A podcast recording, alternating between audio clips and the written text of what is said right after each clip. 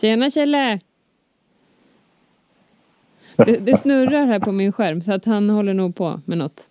Det kanske är det här med internet. Ja, just det. Han har väl någon el. Han har väl någon som går utanför och vevar. Jag hör inget. Hör du mig? Men- ja, vi hör ja. dig. Du kanske behöver några hörlurar eller något? Men han har väl en högtalare på. Jag kommer in på schema. Nej, jag hör inte dig Claes. Hör du mig? Hör du mig? Ja. Nicka om du hör mig. Nicka, Klas. Ja. Ja, jag, jag nickar som bara den. Nej. Förbannade skit. Allt det- så här. Ja, för en del.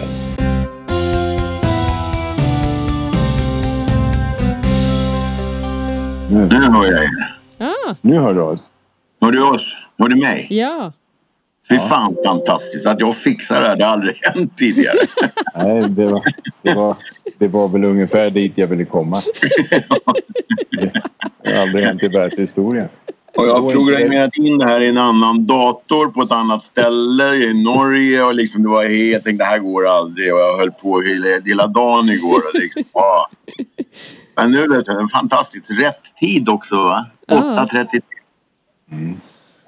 Ja, ibland blir det rätt. Ja, inte så ofta numera. Nej, nej, men ändå. Så det, är bra det blir rätt någon gång. Ja. Och sen, sen, sen kan vi säga så här Kjell, att rör ingenting. Utan bara sitt still. Okej, bra. jag sitter still, idel öra. ja. Ja, Eh, då gör vi så här då Kjelle, välkommen. Tack. Kul att du Mycket. vill vara med. Ja. vill vill man ju alltid. Det är inte alltid det fungerar som jag sa alldeles nyss. Nej, men det låter bra. Ljudet är fint. Det var bra. Ja. Det var jättebra. Ja. Mm. Eh, du är i Norge nu. Ja, Vad är i du Trysil. i Trysil? Jag jobbar i skidskolan den här veckan som var. Vi har haft så jävla mycket kunder, gäster. Ja. Hur länge, 2600 eller 300 någonstans. Där. hur länge har du varit skidlärare? Det här är min femtionde säsong. Yes, I love it. Så att jag är klar nu. Ja. Jag har gjort mina 50 år för yrket och eh, skidåkningen. Det tror du? ja. ja, men, men, men, men du Kjell, alltså, hur, hur, hur kan det bli 50 år? Alltså? Hur, hur kom du på det? Jag kom på det när jag hade tävlat klart eh, i eh, Stockholm i Högdalens slalomklubb och Stockholmslaget så ville jag fortsätta med skidåkningen och då blev det eh, skidåkning på Högdalstippen och skidskolan i Främjandet 1969. Så då jobbade jag där den säsongen och sen året efter så startade jag Vantörs skidskola med, med en äldre kille som var med i Främjandet också på Högdalstippen. Sen eh, samma året 1970 då tog jag skidlärarexamen också för att vara fjädrad för att göra de här jobben så att säga. Så så är historien. Det har ju varit en del, en del på, på vägen då. Ja, det några små grejer bara. Du har väl snurrat runt i halva världen om jag förstår Ja, ä- alltså sen blev man ju mer intresserad och så blev det ju Främjandet eh, Eh, Stockholmsdistriktet och jobbade där eh, som utbildare och sen blev det Främjandet centralt och samtidigt så blev det Stockholms skidförbund och tränarutbildningar och jag blev tränare i Hässelby alpina slalomklubb på 70-talet. Var där ett antal år och jobbade i klubben och sen blev det ju skidskola i Sälen av, av en händelse för brorsan han ville, ville byta sitt jobb som sportchef på Högfjällshotellet till att driva skidskolan i Sälenstugan. Och då fick jag, eh, blev jag tillfrågad av honom om jag kunde lösa honom från jobbet på Högis som sportchef. Och då gjorde jag det. Eh, för jag tänkte, jag hade just gått ut Karolinska och var färdig sjukgymnast. Jag tänkte ha en säsong i Sälen och sen börja jobba och praktisera som sjukgymnast. Men eh, jag kom aldrig tillbaka från Sälen. Jag blev kvar där i 23 år. Så jag blev aldrig sjukgymnast i praktiken alltså. Nej, men ja, nej, det är ju både och på den. Va? Därför att eh, tittar man på det, du har ju pratat en del och, och jag menar, den eh, kunskapen du hade från sjukgymnastiken, den, den, den var ju rätt bra att ha. Om man ska Ja. åka skidor.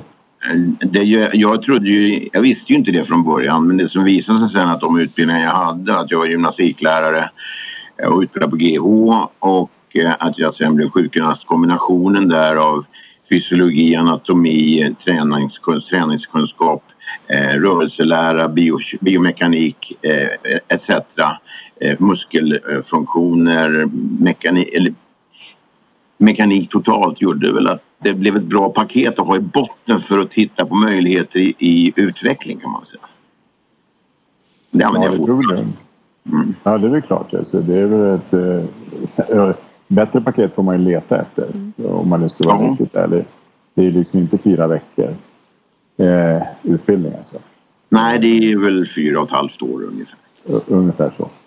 så att, eh, men du, alltså. Eh, jag vet ju, så det är ju det, jag, jag kan ju fråga ändå sådär alltså, men du har ju varit med. Jag vet att första gången som jag liksom sprang på dig ordentligt så. Eh, det var inte första gången, det var väl att ta i kanske, men alltså när jag såg det in action. Det var i Japan 1995. Ja, i Nossavonsen. Ja. Då tänkte jag så här när jag ställer den frågan så jag tänkte jag kunde du berätta vad ni gjorde då? 95 så hade ju vi jobbat, då, då hade ju vi varit först på ett väldigt intressant interski.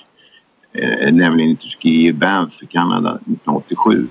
Och det startade upp så att säga ett, ett nytt form av team som blev en väldigt stark grupp för utveckling och förändring.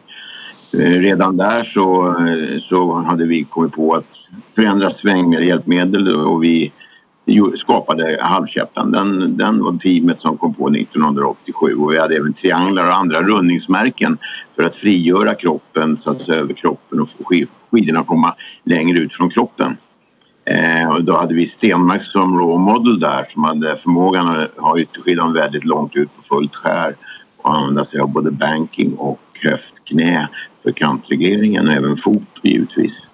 Eh, sen byggde vi vidare på det där 91 och, och, och eh, hade ett tema i, i eh, Sankt Anton som var trycket, hur vi reglerar trycket då eh, att ha skidan långt ut från kroppen och, och det var, då hade jag blivit vald till coach i teamet så då fick jag försöka sy ihop det här eh, gänget som alla ville olika saker. Peter Åström i ena ändan och Mona Hedström i andra ändan. Och, och de var aldrig ense och det var väl kanske det som var så bra för vi hamnade någonstans i mitten i slutändan och alla tyckte det var bra. Och eh, när vi hade då jobbat i Sankt Anton och fått ett lyckat, eh, uppskattat eh, budskap där så laddade vi om och, och då hade vi ju börjat intressera oss för utrustningen och framförallt skidorna. Så vi var i Sölden på ett läger med teamet och letade efter svängda skidor. Vitmålade svängda skidor och se om det kunde vara någon som kunde dyka upp med något sådant. Eh, den första anledningen till att vi hade tittat tillbaka på Elan Parabolic och de här tänket som fanns en gång i tiden. Men vi hittade inget där. Eh, I alla fall så helt plötsligt så dök eh, Kneisel Ergo upp. Och, och, och, det var då Dr. Spatier som hade utvecklat en skida för turister och hans tänk var liksom att eh, stå på skidorna och luta lite grann. Om du då har mycket midja så svänger det. Eh, och då skulle man kunna gå direkt till parallella skidor och så skulle alla uppleva svängen ganska snabbt. Och i flacka backar skulle man ha väldigt roligt. Så vi strålade samman med Dr. Spazier och eh, ut, fortsatte att utveckla tankarna runt det här. Och det gjorde vi med, tillsammans med Karolinska institutet där vi där vi gjorde en forskningsstudie tillsammans med två forskare på Karolinska på svenska landslaget. Och vi mätte eh, krafter och Eh, vi mätte eh, eh, rörelser i höftled och knäled under ett åk på absoluta elitåkare. Och det visade ju sig sen att vi hade fel inställning till hur man var i vilka positioner och vilka rörelser man hade. Det var egentligen omvänt mot vad vi trodde. Man var som lägst när man bytte, man bytte svängriktning och som högst eller som längst mitt i svängen alltså. Så att det, när man var som lägst var man som längst och när man var som högst var man som mest böjd.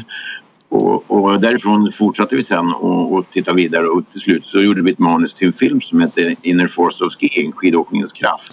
Eh, där vi använde oss av den här forskningsstudien för att bevisa eh, sanningen bakom det här och vi kom med teamet till Nossavaunsen och hade bara Kneisel Ergo turistskidor alltså på 1,80 med oss. Det var allt vi hade. Och vi körde i stort sett skjortan av resten av världen. det var bara ett land till, tror jag, det var Schweiz som hade ett åk på, på en carvingskida. Det var allt. Annars vågade ingen eh, ställa upp med det här. Och vi fick en oerhörd respons. Hela vårt hotell var fyllt varje kväll för att, höra våra små föreläsningar. Alla filmer vi hade med oss sålde slut. Så att det var, eh, det var då eh, det liksom hände. Det var starten till kan vi säga carvingrevolutionen i hela världen. Därför att de här länderna som var här och var så intresserade av Sverige, de åkte ju hem. Och sen så var det på gång och sen vann Compagnoni i världscupen 1997 på carvingskidor. Och då är det liksom, that's it. Over and out. Ny historiebok börjar och där är vi ju nu va, där hela världen har nyttjat den här möjligheten med carving. Det tog tid. Det var egentligen först när tävlings Håkan accepterade att carving, skidan var framtidens redskap. Man höll emot länge med sina eh, raka skidor och långa skidor men till slut så släppte man taget. Och det var, det var en väldigt, väldigt spännande period som följde efter 95. Det var, vi var i olika länder. Vi var i Japan, vi var i Kanada, vi var i Schweiz. Vi var överallt och presenterade våra tänk runt eh, carvingåkning. Och sen började USA och så började framförallt Schweiz och sen var det de stora länderna som tog över och sen började ju racingcirkusen. Alla åkte på carvingskidor så att allting hände bara. Det blev bara ett startskott. Mm. Du Kjelle, här mm. ungefär så kommer den här eh, Ski the Swedish Way in, eller hur? Det här Nej, det, eller är det senare? Ski the Swedish, Ski the. Swedish Way, den, den loggan och det namnet skapades redan 1987. Ja. Så vi hade Ski the Swedish Way i Banff. Ja, just det. Och Ski the Swedish Way var var tänkt när vi skapade Skiddy Swedish Way att det skulle vara en, en produktidentitet som var förändringsbar. Mm. Vi såg i teamet då att skidåkning är aldrig konstant. Det händer något hela tiden och ingen sväng är lika den andra. Men Skiddy Swedish Way hade några grundteman då. Enkelhet, eh, naturlighet, eh, säkerhet eh, effektivitet och så vidare som vi hela tiden jobbade utifrån att, att uh, göra skidåkningen bättre. Och sen så har det där Skiddy Swedish Way hängt med. Egentligen så stal vi namnet från, från Frankrike för de hade ett namn som hette Skid French Way. Mm. Men de använde sig inte av det. Och eh, det här var, passade oss väldigt, väldigt bra det här namnet därför att vi åkte skidor på ett speciellt mm. sätt. I, I Japan så sa de att vi åkte med speed and power. Mm. Det var liksom Sverige. Eh, och eh, vi åkte mycket på hårt, mycket skär. Eh, och vi åkte med, med väldigt hög eh, kroppsaktivitet. Alltså. Det var eh, konstant rörelse med kroppen. Och det var ju både effektivt och snyggt. Eh, även i, i, i, turistisk skidåkning om vi säger så. Alltså det var, det var ett, ett begrepp det här. Svenskar åker skidor bra helt enkelt. Det var, det var, och där jobbade vi vidare på många år, Skid Ski the Swedish Way. Och det har hängt med och det blev ju en, en symbol för alla svenskar som jobbade med skidåkning. Man jobbade i en främjarskidskola eller man jobbade i, i en slagskidskola Så var det Ski the Swedish Way man jobbade med. Det var identiteten för produkten. Det, det, det höll många år och var, var väldigt bra. Så det, det, det, var lyckat tycker jag, det vi gjorde där. Det var hela teamet. Vi diskuterade ju väldigt mycket om saker och hur de skulle göras och varför. Och vi ägnade nog mer än 50 procent av tiden att komma på vad vi skulle göra och sen så var det väldigt lätt att göra det för vi hade redan diskuterat i stort sett alla punkter som behövdes för att göra produkten. Så sen var det bara att åka skidor och, och skapa estetik och, och ja, innehåll och sånt. Kul tid. 90-talet var en väldigt kul tid. Det var liksom vi hade det bra, vi hade ett samarbete med Returpack. Vi förfogade över en miljon ungefär varje år. Eh, jag kunde avlöna mina teammedlemmar, jag kunde se till att de fick schyssta bilar, de hade skidor, kläder, ja rubbet. Så att det, det var en bra tid och, och, sen hade jag ett väldigt bra team. Eh, några byttes ut av olika anledningar och några kom till. Vi hade en uttagning var fjärde år och man fick kvala in allihopa. Ingen var självutnämnd. Och, eh, och teamet var väldigt bra. Vi hade eh, organisatörer som Olga Rola Rockberg, sammanställare av, av kunskap och vi hade nytänkare och kreatörer som Peter Åström som, som kom på det mest omöjliga eller Stefan Brandt som tyckte vi skulle stripa ett flygplan och komma in över Nosa Vonsen och, och, och, det var liksom vildaste tankar man kan tänka sig. Och med de här vilda tankarna som fanns hos de här människorna så blev det till slut en, eh, jordnära produkt men en, en ny produkt, alltså vi klev framåt. Det, det, var, det tycker jag karaktäriserade flera interski vi var på i Sverige. Ja.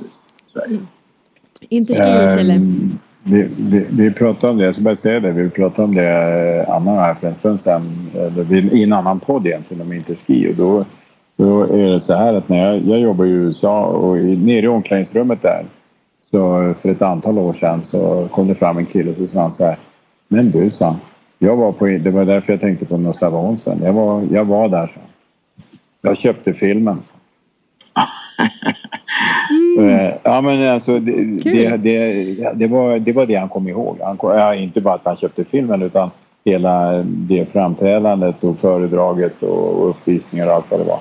Så att eh, jo men du har alldeles rätt där. Alltså, det fick ett enormt genomslag och det höll i sig bra länge skulle jag vilja säga.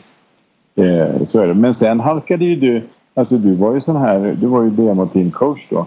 Men sen, eh, eh om jag kommer ihåg rätt där vid 1999 någonstans där så halkade du in på något annat spår också. Ja, alltså det som var då 1995 när vi hade kört skidåkningens kraft och var helt teknikorienterade utifrån den nya utrustningen så sa Micke Santos så här då, han var ordförande i Svenska skidrådet och Svenska skidrådet stod ju för eh, interski-representationen eh, men här, den här gången genom SPS som tillverkade så att säga interski-programmet ja. och var produktansvarig men åt Svenska skidrådet som var Skidsverige.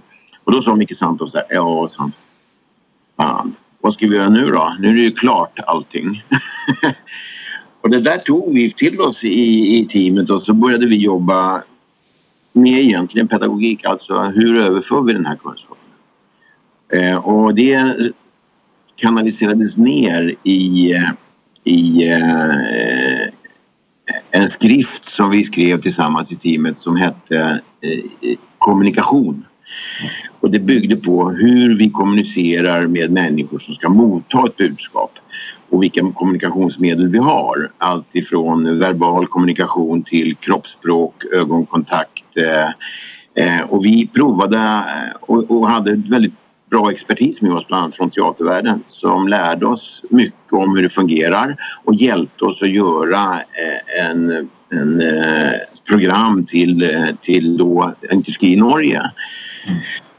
Och som vi sen visade i form av en teaterföreställning inomhus i, i, när vi var där och sen hade vi en uppvisning utomhus också och sen presenterade vi kommunikation genom att bjuda in människor eh, till vår eh, utomhuskommunikationsplats som var en stor utomhusbar med en tältkåta och eh, trivsamt med mat och, och dryck och allting. Och den var jättepopulär. Det var massor med folk där hela tiden.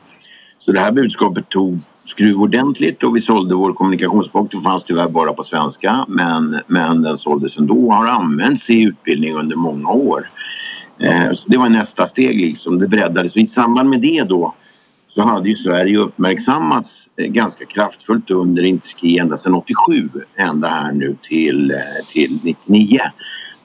Och då hade vi fått en, eller vi hade en nyvald Interski-president som hette Kurt Kreiselmeier, en, en tysk som tillfrågade mig om jag inte kunde tänka mig att vara eh, vicepresident.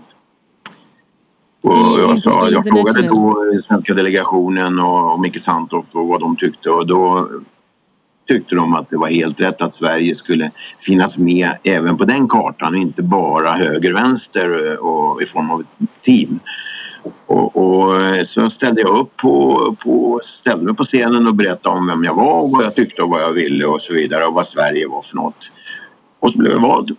Och då började ett arbete i Interski eh, som jag eh, trodde skulle vara enkelt men det kan man säga att det var det inte.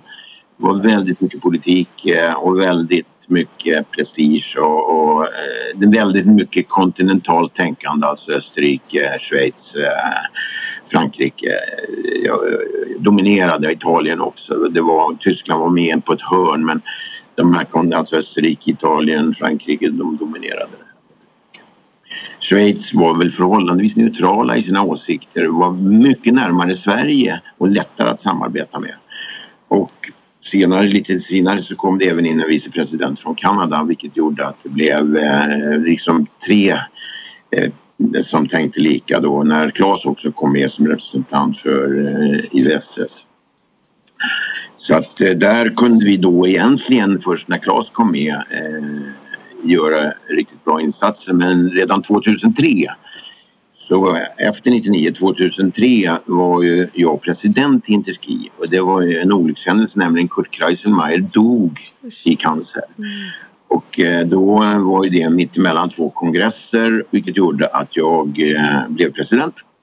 Och det här var två år före Interski i, i eh, Crans-Montana i Schweiz.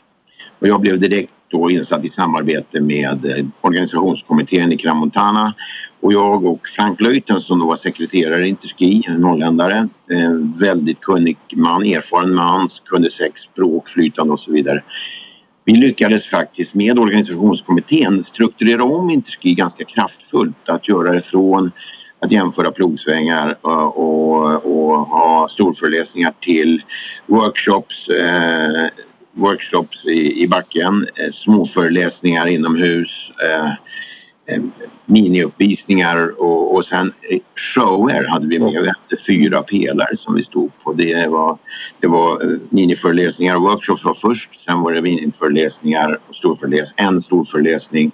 Och sen var det, var det då shower. Och sen hade vi en, en dag, en fridag kallade vi det. Det var ingen fridag, men det var en dag utan agenda.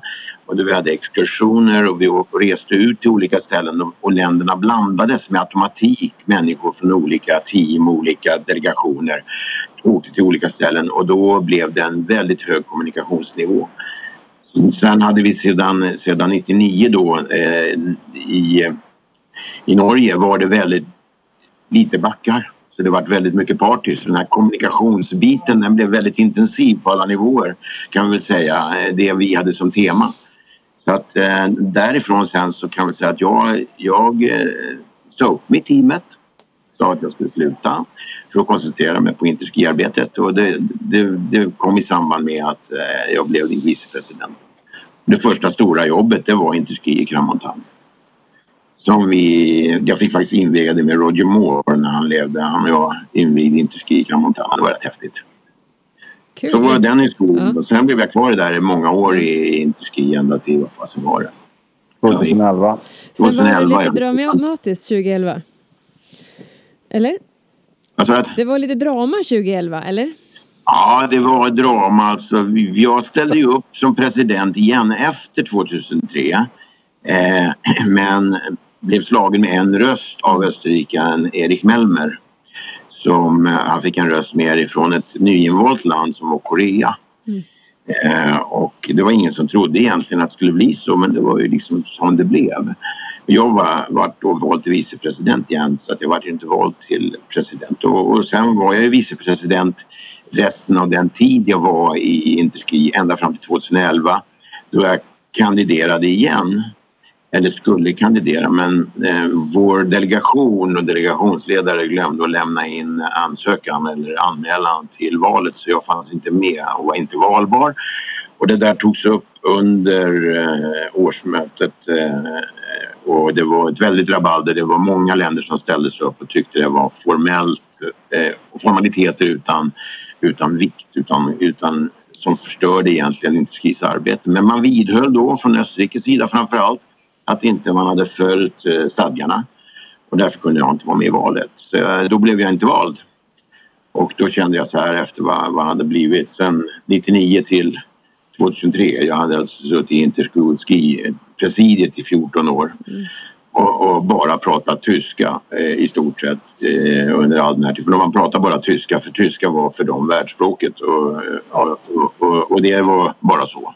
Och det var lite av samma stämning man hade. Inte ski tillhörde inte världen, det tillhörde Mellaneuropa. Men nu har ju det här blivit en väldig förändring och, och det känns väldigt bra nu när vi har fått andra länder att blivit väldigt aktiva också i interskiarbetet. Framförallt Amerika kom in på banan. Vi, när vi var med här eh, under den tiden eh, i interskiledningen så byggdes nya broar, tycker jag, mellan kontinenterna. Sydamerika, Nordamerika, eh, Asien, eh, Europa och så vidare. Så att det blev ett ett öppnare klimat. Men det har alltid varit någon form av eh, prestige och konkurrens i de här positionerna. Man har inte alltid varit inriktad på att nå ett resultat utan mer att behålla sin plats, sin position. Österrike hade ju väldigt starkt statligt engagemang också på, på den tiden med, med, en hel del pengar vilket vi i Sverige ju aldrig har haft. Vi har ju, vi har ju alltid drivit hela den här rörelsen ideellt. Så då så slutade jag Interski och eh, sen så fortsatte jag jobba med andra saker och har jobbat med andra saker fram till idag och eh, nu har jag jobbat med skidförbundet i 12 år tror jag. Varit med och gjort om deras utbildningar för 12 år sedan. Jobbat med, med eh, skidlärarföreningen och fortbildningar och styrelsearbete och utvecklingsarbete och varit med och förändrat skidlärarföreningen till den förening det är idag. Alltså inte en kamratförening utan utan en, professionell förening som siktar på kunskap och erfarenhet och erfarenhetsutbyte på ett helt annat sätt än tidigare och som då har blivit mycket mer intressant för gemene man att vara med och som nu har nått så långt så att vi har fått uppdraget att eh, göra ett interski. Och, hur, eh, hur ser du på interski i år? Hur känns det? Hur känns det med interski i år? Hur känns det framåt? Ja, det känns väldigt spännande. Jag tycker att jag har eh, förhållandevis bra grepp på det när jag tittar på organisationsstrukturen. Det jag inte har riktigt koll på det är hur ni ska, hur ni ska få budskapet att eh, tränga in hos åhörarna. Det kräver ju lite teater och lite tricks och fix och det kommer man väl att få se. Ja, det, det, det, det, visar sig kan man ju säga. Ja precis, det ska bli spännande. Så, mm. så man har aldrig varit så förut, man har alltid suttit i det va? och när man sitter på utsidan så blir det liksom då, då upptäcker man vad man inte vet. Ja precis. Ja. Mm. Sen har jag varit med då i styrgruppen här och jag har jobbat för att eh, eran grupp ska få jobba ostört. Det har varit min uppgift i styrgruppen. Så det har väl försökt att bromsa detaljkontrollen så mycket det har gått. Ja. Det går rätt bra kan jag säga.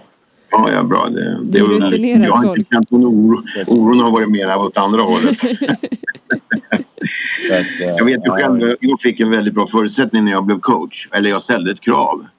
Eh, jag vill jobba med min metod för att kunna nå målen. Och då fick jag fria händer vilket gjorde att jag kunde, jag kunde engagera mig och driva processen på det sätt jag själv ville och det blev inga måsten i rapporter och, och en massa grejer om saker som egentligen var oväsentliga. Jag fick förtroendet att ha kontroll på allt från ekonomi till, till produkt. Och det var väldigt, väldigt bra. Mm. Ja, det, det, är en klar fördel kan man säga. Ja, absolut. Mm. Men du Kjell, det här, det här gick lite fort. Alltså. Kort halvtimme. Ja, ja. Det, det, måste man säga. för, för, vi har inte så mycket mer tid va? Nej, det har vi inte. Nej, Nej. vi har ingen, ingen tid alls. Jag tänker att Kjell har ju också elever du ska ta hand om. Nej, då är jag faktiskt friåkning ah. så jag ska ut i backen nu eh, och plöja manchesten. Det var varmt här igår och förrgår och nu har det blivit kallt. Nu är det nu bra är det för perfekt. Ja. Mm. Håll dig på benen bara. Ja. Så du får åka med till Interski. Nej, jag ska hålla på benen. Det har gått ja. bra faktiskt. Ja, ja. skönt. Eh, tack så hemskt mycket. Jag har ju längtat efter eh, att, att få just ha med dig i podden. ja, tack. All den erfarenhet. Ja, det gör vi. Vi ses på skidor mm. snart. Ja. Ja. Hej då! Hej. hej, hej.